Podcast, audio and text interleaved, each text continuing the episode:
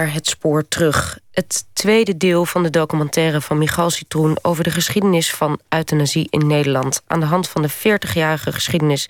van de Nederlandse Vereniging voor Vrijwillige Euthanasie. De MVVE, die sinds 2006 overigens een andere naam heeft... de Nederlandse Vereniging voor een Vrijwillig Levenseinde. Het is nog wel nog steeds de NVVE. Mede dankzij de NVVE bestaat in Nederland sinds 2002 de euthanasiewet. Deze wet geeft patiënten het recht om een arts om hulp te vragen... bij het beëindigen van het eigen leven. De arts mag daarop ingaan als er sprake is van ondraaglijk en uitzichtloos lijden. Een wet die nog volstrekt onbereikbaar leek toen in 1973 dit verhaal begon... bij het proces tegen huisarts Truus Posma.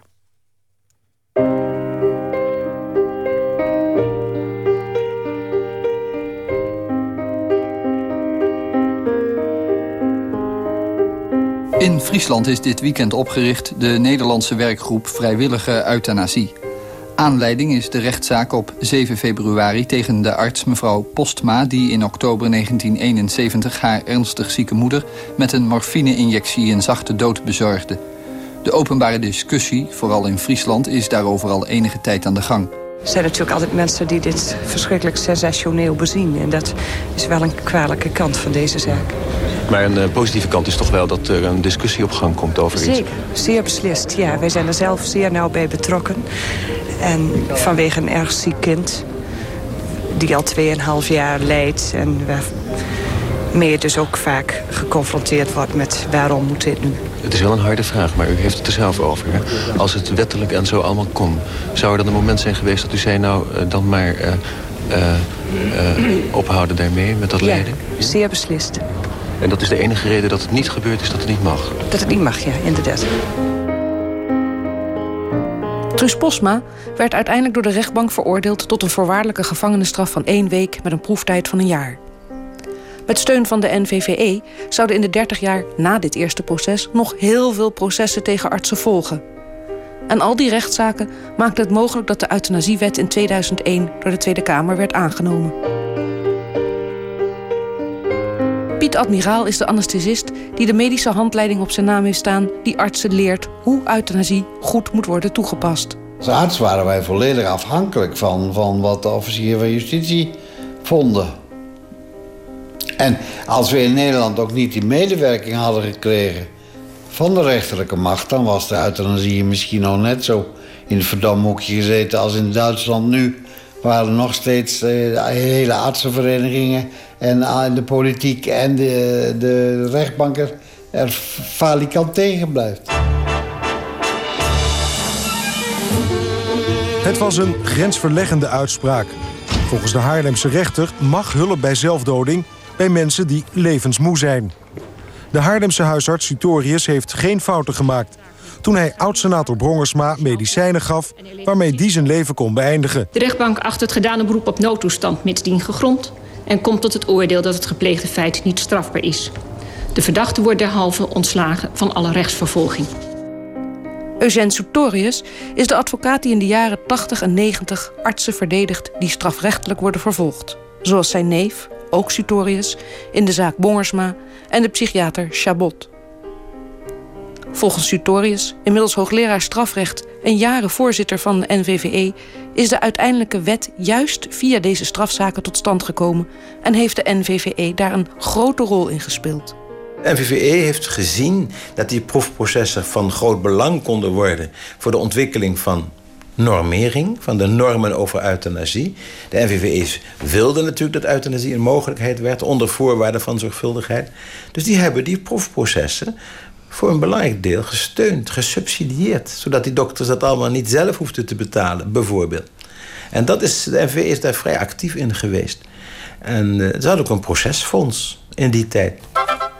De zaak was al geruchtmakend genoeg. Een zwaar depressieve vrouw voor wie het leven een last was... en de psychiater die haar de pillen gaf om aan die last een einde te maken. Tot aan de Hoge Raad toe heeft de psychiater Chabot zijn beslissing verdedigd met succes. Het hoogste rechtscollege achter Chabot wel schuldig, maar legde geen straf op. En daarmee was de rechtsgang van Chabot niet ten einde. Vandaag sprak het Medisch Tuchtcollege zich ook over de zaak uit en bleek veel strenger dan de Hoge Raad. Chabot is berispt. Hij had moeten blijven proberen de vrouw te behandelen. Opnieuw verwarring dus. Wat van de Hoge Raad mag, vinden de artsen zelf te ver gaan. Zodat het voortdurende debat over euthanasie vandaag opnieuw een onverwachte wending nam. Dat is toch het aardige geweest toen van de juridische ontwikkeling. Dat is eigenlijk een. Het is eigenlijk een kijkdoos. Een collectieve kijkdoos, zo'n proefproces. Er staat een dokter terecht. En natuurlijk komt daar de media, komen daar de media op af. En denkt het volk mee. Het probleem ligt dus door dat strafrecht en door de schijnwerpers in de discussie, midden in de discussie. En dat brengt ons tot een zekere bewustwording van een op zichzelf inderdaad behoorlijk ingewikkeld probleem. Dus dat strafrecht, dat heeft, hoewel het er helemaal niet voor bestemd is om die dokters, het zijn geen criminelen, voor, absoluut niet, heeft het wel een functie gehad als kijkdoos voor de samenleving. En zo ontwikkelen zich steeds verder de zorgvuldigheidsnormen. En zijn we nu wel een heel end. Hè. De psychiatrie is nogal een probleem. De dementie is een probleem. En met oudere mensen die heel oud worden en van het leven verlost willen worden, hebben we natuurlijk ook de nodige problemen. Maar zo is dat toen via proefprocessen gegaan. De NVVE blijft als organisatie al die jaren groeien en de leden keren zich tot die belangenorganisatie om raad en om de formulieren waarop zij hun wensen met betrekking tot euthanasie kenbaar kunnen maken. Brief van de NVVE, januari 1990. Geachte mevrouw, hierbij willen wij u condoleren met het overlijden van uw man. Wij zijn blij van u te horen dat de aanwezigheid van een euthanasieverklaring een waardig sterven heeft bewerkstelligd. Dat zal u in uw verdriet zeker een troost zijn. Voor ons is het een steuntje in de rug te weten dat onze activiteiten niet voor niets zijn. Wij hopen er in dit jaar weer met energie mee door te gaan. Hartelijk dank voor uw brief en met de meeste hoogachting. Coördinator Ledenhulpdienst.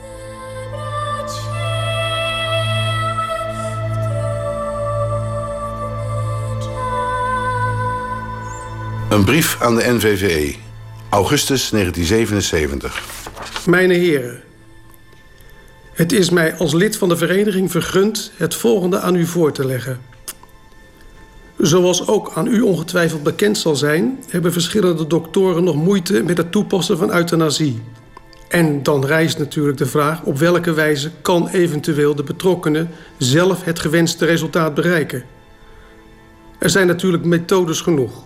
Doorsnijden van de polsen, een revolverschot voor hen die nog over een wapen beschikken enzovoort. Maar de meeste hiervan veroorzaken een hopeloze smeerboel. Nu is mijn vraag deze. Zou er iets in zitten dat door een onze medici aan u een opstelling wordt verstrekt van methodes waardoor een rustig, maar ook beslist definitief einde wordt gewaarborgd?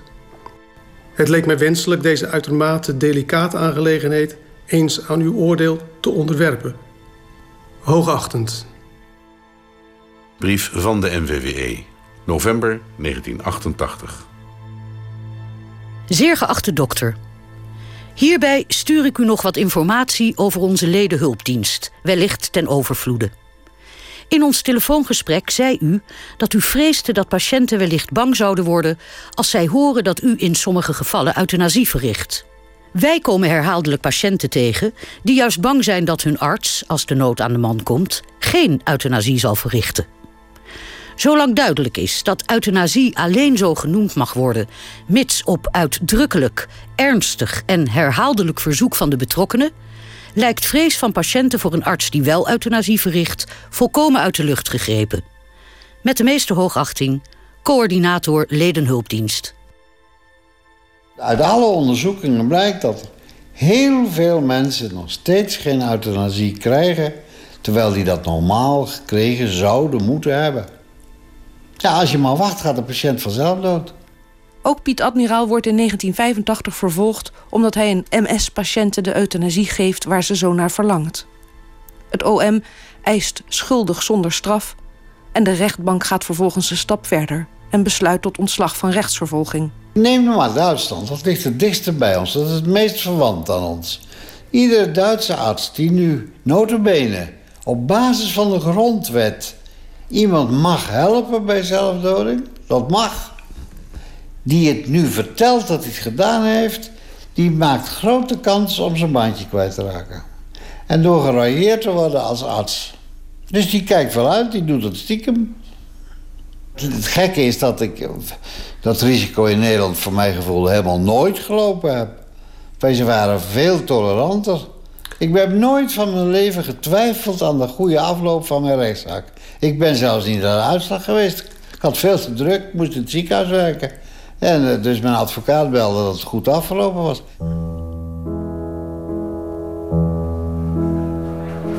De vader van Karen, Hans, had de spierziekte ALS. Nu alweer jaren geleden werd zijn lijden niet alleen uitzichtloos, maar ook ondraaglijk. Het leven takelde klein beetje bij beetje af voor hem.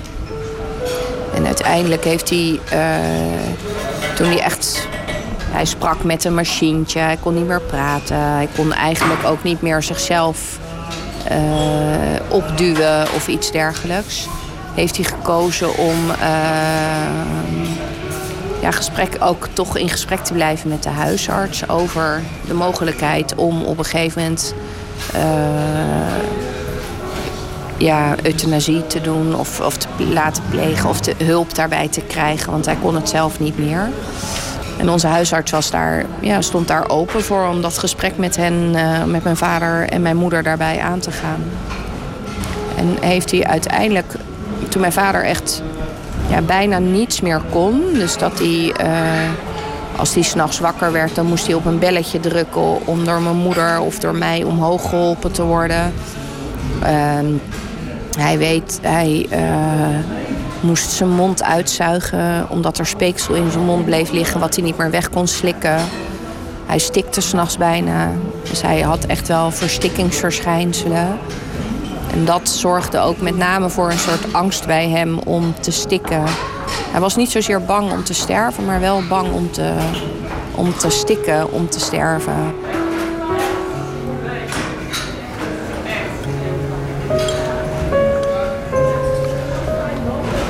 En toen heeft hij op een moment, uh, is er een scanarts langs geweest.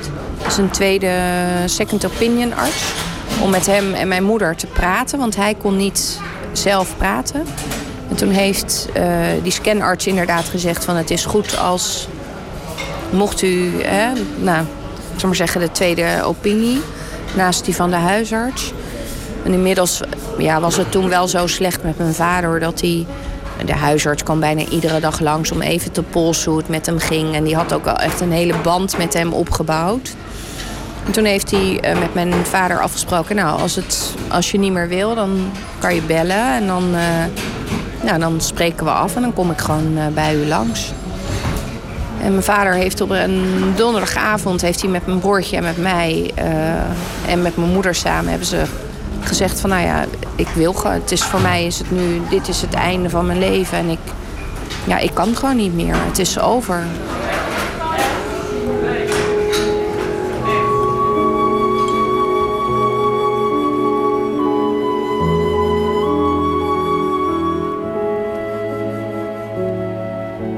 Begin jaren 80 wijst een opinieonderzoek uit dat meer dan 80% van de Nederlandse bevolking de mogelijkheid van euthanasie open wil hebben.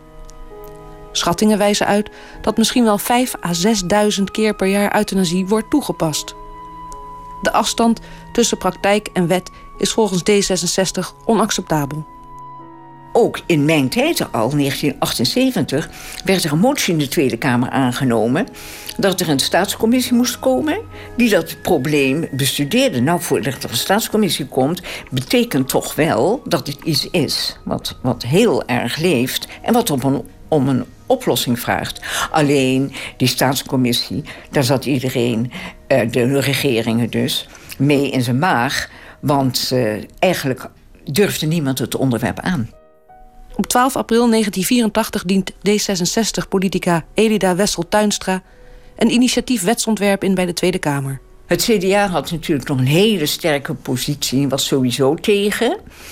Uh, de VVD stond positief ten opzichte van uh, oplossingen op dit gebied. Maar wilde graag samen regeren met het CDA. En PvdA zat daar zo'n beetje tussenin. Ja, ja, maar bij D66 waren er altijd, was natuurlijk altijd de sterke nadruk op het individu. En uh, het pakte, past dus in ons pakket wel van D66. Maar het wetsontwerp moest toch geschreven worden. Je kunt adviezen krijgen van ik zou dit doen of zo. En we hadden daar vergaderingetjes over. En die werden gekeurig genotuleerd. Maar dan neerleggen in de wetgeving. En dan hadden we wel een paar wetsartikelen. Had bijvoorbeeld José Vegeta, een bekende hoofdofficier van justitie... aangereikt, dat ook in dat werkgroepje. Maar dan moet je de toelichting schrijven. Waarom moet het eh, wetgeving. Want heel veel mensen die zeiden gewoon... ja, moet iedereen toch zelf weten? Ja, die zei mevrouw, eh, het is wel verboden, hè?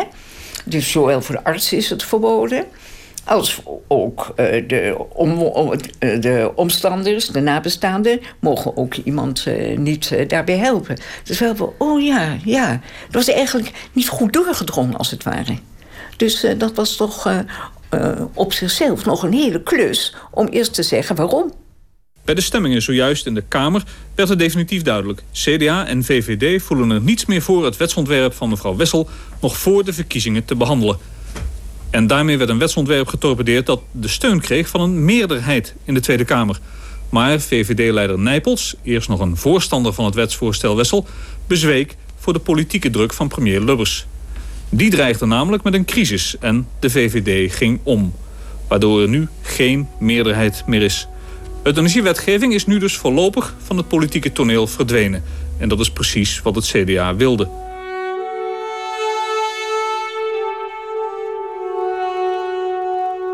De naam van oud-minister van Volksgezondheid Els Borst is onlosmakelijk verbonden met de eerste wettelijke regeling voor euthanasie ter wereld.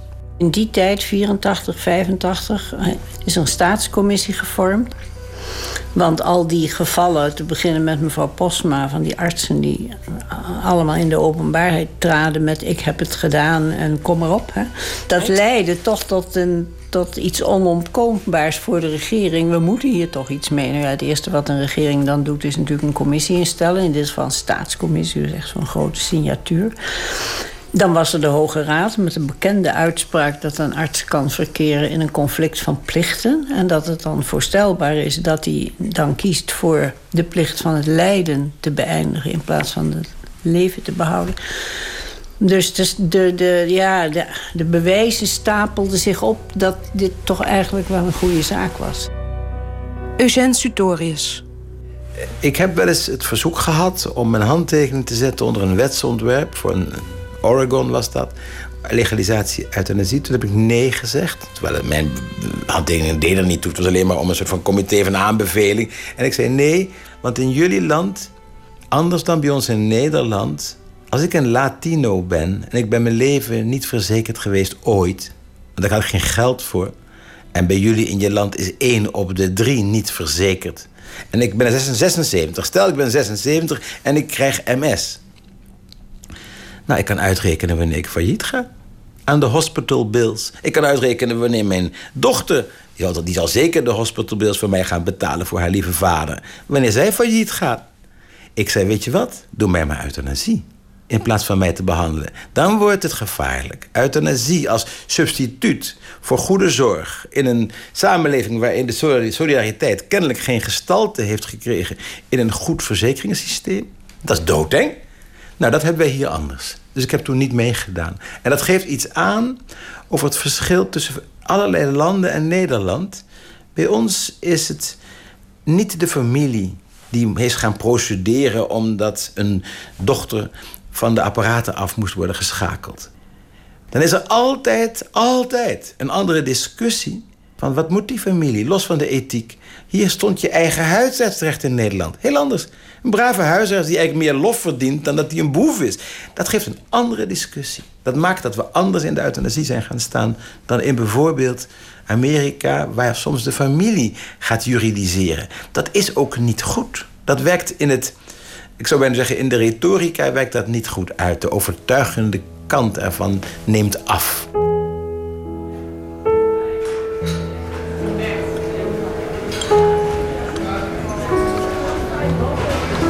Sowieso is het raar als je weet hè, dat er een moment is gekozen om echt afscheid te nemen van iemand. Je kan je daar ook eigenlijk geen voorstelling van maken. Ja, ik noem het altijd een soort kerstdag. Als ik het aan vrienden uitleg wat het precies is. Het was een soort kerstsfeer thuis. Je hebt een hele intieme, harmonieuze gezelligheid onderling. terwijl je weet dat er iets heel raars aan het gebeuren is.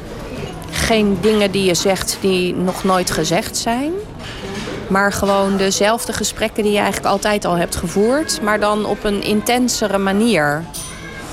En uh, op een gegeven moment de huisarts had afgesproken dat hij in, uh, aan het einde van de dag zou komen om zes uur om bij mijn vader een infuus te plaatsen.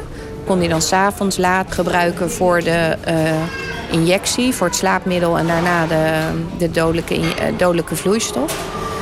Um, voordat hij dat deed, vroeg hij heel bewust aan mijn vader. En hij keek ook echt mijn vader aan van is dit echt wat je wil, weet je het zeker? Ja, mijn vader was echt, nou, zeer, zeer duidelijk wat hij wilde. En uh, heel erg uh, ja, overtuigend daarin. Maar het bijzondere was dat hij ook nog wel bij ons daar... hebben jullie er bezwaar tegen? En bij mijn moeder, weet je het... Hè, hebben jullie, willen jullie dit ook? Is dit wat jullie ook willen? Kan het beste voor mezelf spreken. Ik had zoiets van, dit is wat hij wil. Dus voor mij is dit goed. Voor, voor hem is het goed, dus voor mij is het ook goed. Ondraaglijk is iets subjectiefs. Ondraaglijk lijden, wat voor mij ondraaglijk is, is het voor jou niet. En omgekeerd. Dus de rechters hebben altijd gezegd, dat moet je, je moet gewoon kijken, wordt het aangegeven en is dat ook begrijpelijk, intersubjectief voor de dokter, dat dit echt ondraaglijk is. Maar dat uitzichtloze, dat aspect, betekent dat de dokter, dat is objectiverend, moet kijken, zijn er geen alternatieven die dat lijden kunnen wegnemen zonder dat ik haar of hem doodmaak. Dat is redelijk. Dat is een subsidiariteitsvraag. Van als, je, als je dat lijden weg kan nemen zonder op een verzoek om levensbeëindiging in te gaan, gaat dat meestal voor.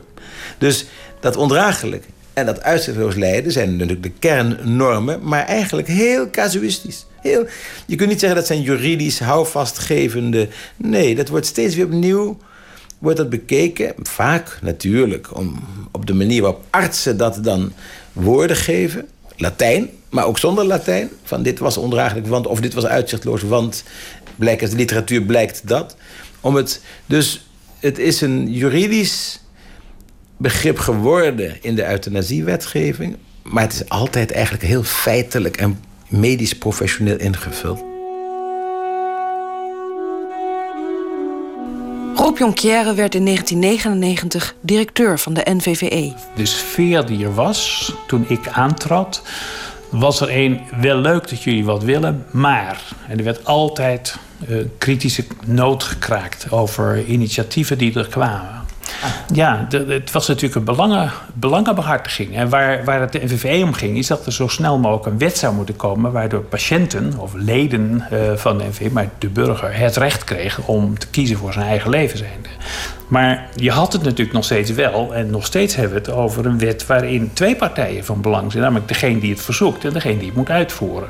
Dus de NVVE heeft denk ik in die periode, en misschien ook wel terecht, uh, zeg maar steeds dat kritische geluid laten. Het gaat niet ver genoeg. Wij willen eigenlijk uh, willen we dit. In 1991, tijdens het laatste kabinet Lubbers, werd een kleine stap voorwaarts gemaakt toen de commissie Remmelink met Els Borst als lid de opdracht kreeg te onderzoeken wat nou precies de feiten waren rond euthanasie. Een half procent hulp bij zelfdoding of zoiets waren kleine percentages, maar toch, het gebeurde dus. En maar 18% van de artsen die het deden melden het. Dus de overgrote deel die het deed, die melden het niet. En een belangrijk deel van hun antwoord was... als wij eh, niet meer vervolgd zouden worden... als we op voorhand wisten dat als we het zorgvuldig deden... dat we dan de officier van justitie zou afzien van vervolging... zouden we het veel vaker melden. Ja, en dat, uh, toen was er eigenlijk geen ontkomen meer aan voor de regering. En toen was er in 1994 een regering zonder CDA. The window of opportunity. En toen, uh, toen heeft die regering, die heeft uh, toen niet... Van Mierlo heeft toen natuurlijk de onderhandelingen gevoerd. Toen is euthanasie niet in het regeerakkoord gekomen. En toen heeft uh, alweer een D66 en natuurlijk Roger van Bokstel... als woordvoerder volksgezondheid in de Tweede Kamer... heeft toen een, weer een initiatiefwet geschreven... samen met professor Henk Lenen, hoogleraar gezondheidsrecht... ook lid van D66. En dat initiatiefwetsvoorstel is, en dat is natuurlijk ook traineren geweest uh, vanuit de oppositie. Uh, je kan zo'n schriftelijke behandeling kan je eindeloos mee doorgaan. Nog meer vragen, nog meer vragen. Dus het is nooit aan behandeling toegekomen.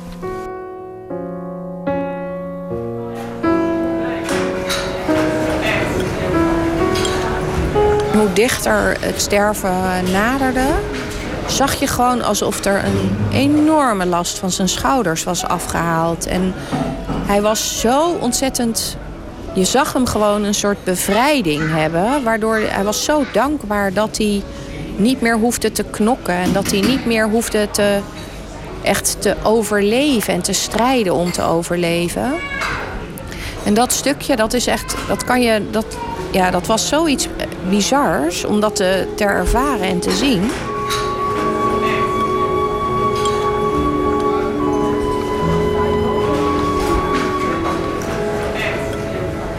Weet nog zo goed dat mijn vader die keek naar ons met een enorme grote glimlach om zijn mond. Voor zover hij dat nog kon. Want ja, het is natuurlijk allemaal een beetje aangetast. Maar met een twinkeling in zijn ogen zo dankbaar was hij dat hij mocht sterven. En hij stak zijn handje op om te zwaaien met hoeveel moeite dat nog ging. En toen kreeg hij de, het, uh, het slaapmiddel. Ik ben echt heel dankbaar dat hij zo heeft mogen sterven in plaats van een strijd om te overleven. Zoals de avonden daarvoor, als hij dan weer uit zijn bed wilde komen. Dit was gewoon echt, ja, ja, gewoon het mooiste wat hem heeft kunnen overkomen. En de huisarts die hem daarbij geholpen heeft, daar zijn we gewoon nog steeds ja, zo bijzonder dat iemand hem daarbij heeft kunnen helpen en willen helpen.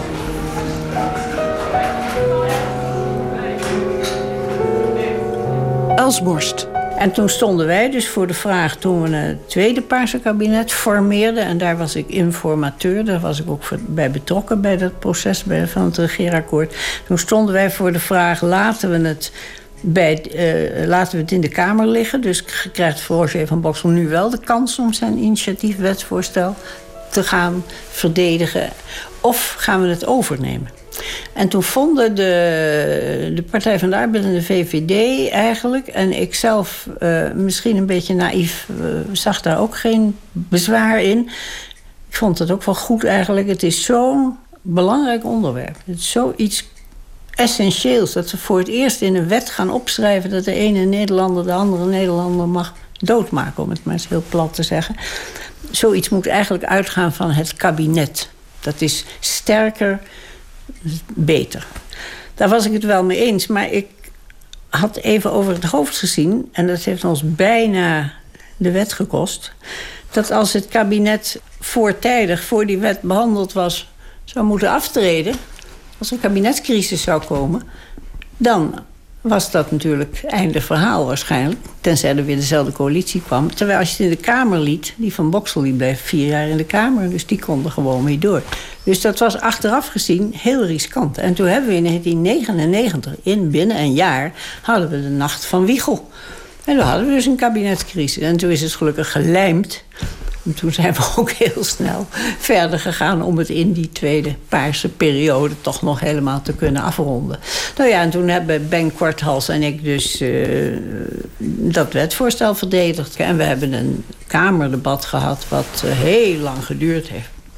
Ik heb boven de handelingen staan, dat zijn vier dikke delen, Tweede en Eerste Kamer.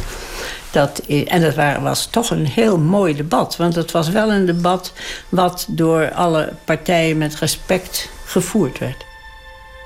Brief aan de NVWE, april 1989. Geachte dames en heren. Bijgaand zend ik u een rouwkaart waaruit blijkt dat mijn moeder is overleden. Uiteraard dient in dit verband het lidmaatschap van uw vereniging waar ze een zeer vervent aanhangster van was, evenals ikzelf, te worden beëindigd. Mijn moeder heeft zelf door middel van het slikken van 30 tabletten Halcyon en 70 tabletten Dolfiran zeer welbewust een einde aan haar leven gemaakt. Gezien de datum op het flesje had ze de Halcyon-tabletten al sinds 1979 in huis. Haar euthanasieverklaring lag naast haar op bed vergezeld met diverse krantenknipsels en ander door u verspreid materiaal, waarin met rood was aangestreept wat ze van belang vond. Het zelf mogen beschikken over leven en dood. De medicijnen die mijn moeder heeft genomen zijn uiteraard bij gebrek aan beter geweest. Ze was altijd heel verontwaardigd dat ze van niemand het juiste pillenmateriaal heeft kunnen krijgen. Met vriendelijke groet. Geachte mevrouw, allereerst onze condoleances bij het overlijden van uw moeder. Wij stellen het zeer op prijs dat u ons hier uitvoerig over berichtte. Wat een zegen dat haar daad van levensbeëindiging het bedoelde effect had. Dit is te meer een zegen, gezien de aard en ouderdom van de gebruikte middelen. Wij zouden ze nooit zo hebben durven aanraden. Met andere woorden, dit is niet het beste advies aan iemand die zijn of haar leven wil beëindigen. Gezien het geknoei rond de wetgeving zijn we met ons allen helaas nog vaak aangewezen op het grijze circuit, met soms desastreuze gevolgen. Wij zijn met u heel blij dat uw moeder en haar naasten dat bespaard is. Met vriendelijke groeten, coördinator Ledenhulpdienst.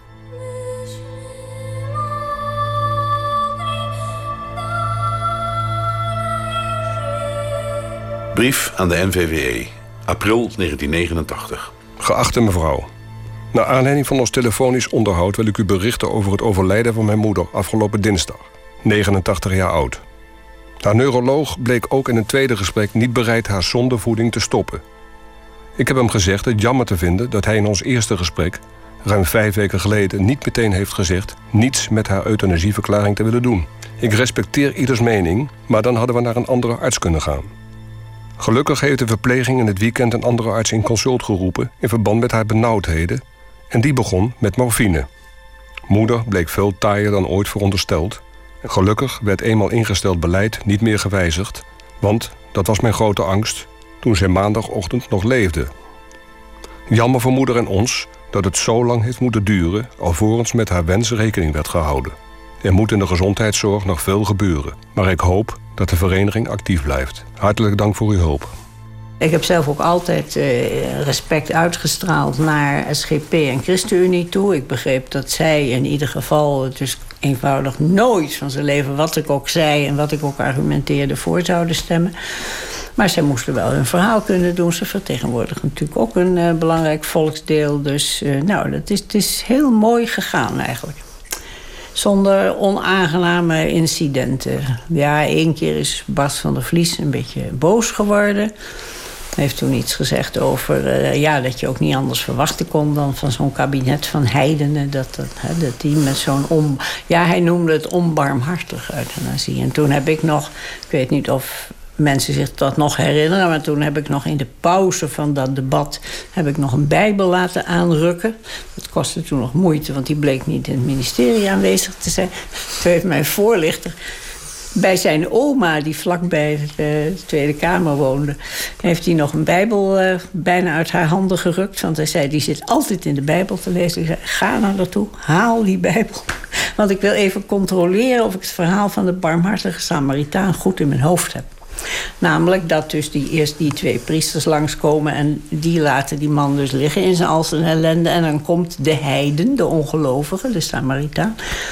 En die gaat die man helpen.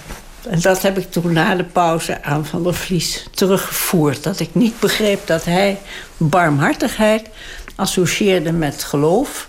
en onbarmhartigheid met met ongeloof. Want dat het volgens de Bijbel precies omgekeerd was. Althans in dat ene geval.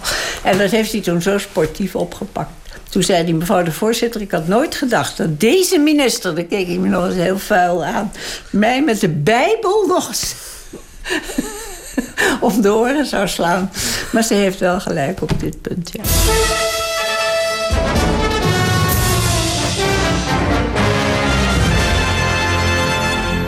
Dames en heren, goedenavond.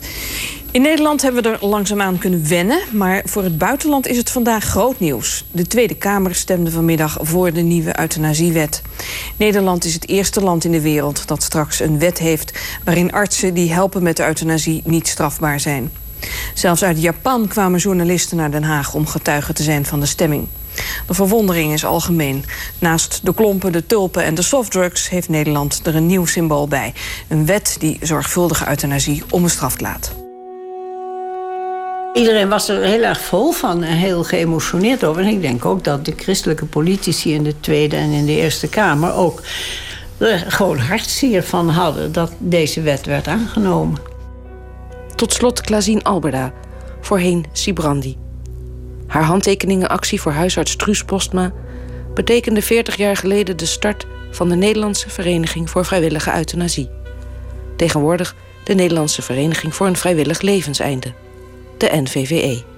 Nee, er zijn geen slingers opgehangen en zo, maar ik was wel blij dat er, hè, dat er, dat er weer, uh, ook weer, weer publiciteit kwam. Kijk, ook als die wet niet geaccepteerd wordt of de mensen zijn tegen die wet, dan in elk geval heb je weer dat het weer in de belangstelling staat. Dat je weer uh, daar uh, weer aanknopingspunten hebt om weer verder te gaan. En nou, tegenwoordig hoor je dan ook wel van ja, die wet, ja, er is nog zoveel ellende en zoveel lijden. Dat zal best. Maar ik heb de beginperiode meegemaakt en ik heb het hier aan de lijve ondervonden wat lijden betekent voor mensen. En ik weet wel niet hoeveel, hoeveel overlijdensberichten of ik gehad heb en hoeveel condoleancebrieven ik geschreven heb. Ze moeten mij niet vertellen dat er, dat er niks verbeterd is. Want dan hoor, je, dan hoor toch wel, ja, nou, het is toch nog steeds hetzelfde. Ga weg, man. Er is een heleboel veranderd. En dat weet ik wel. Dat heeft dan ook, ook even 40 jaar in beslag genomen. En om nou te zeggen, alles is geregeld. Nee, maar moet alles geregeld zijn?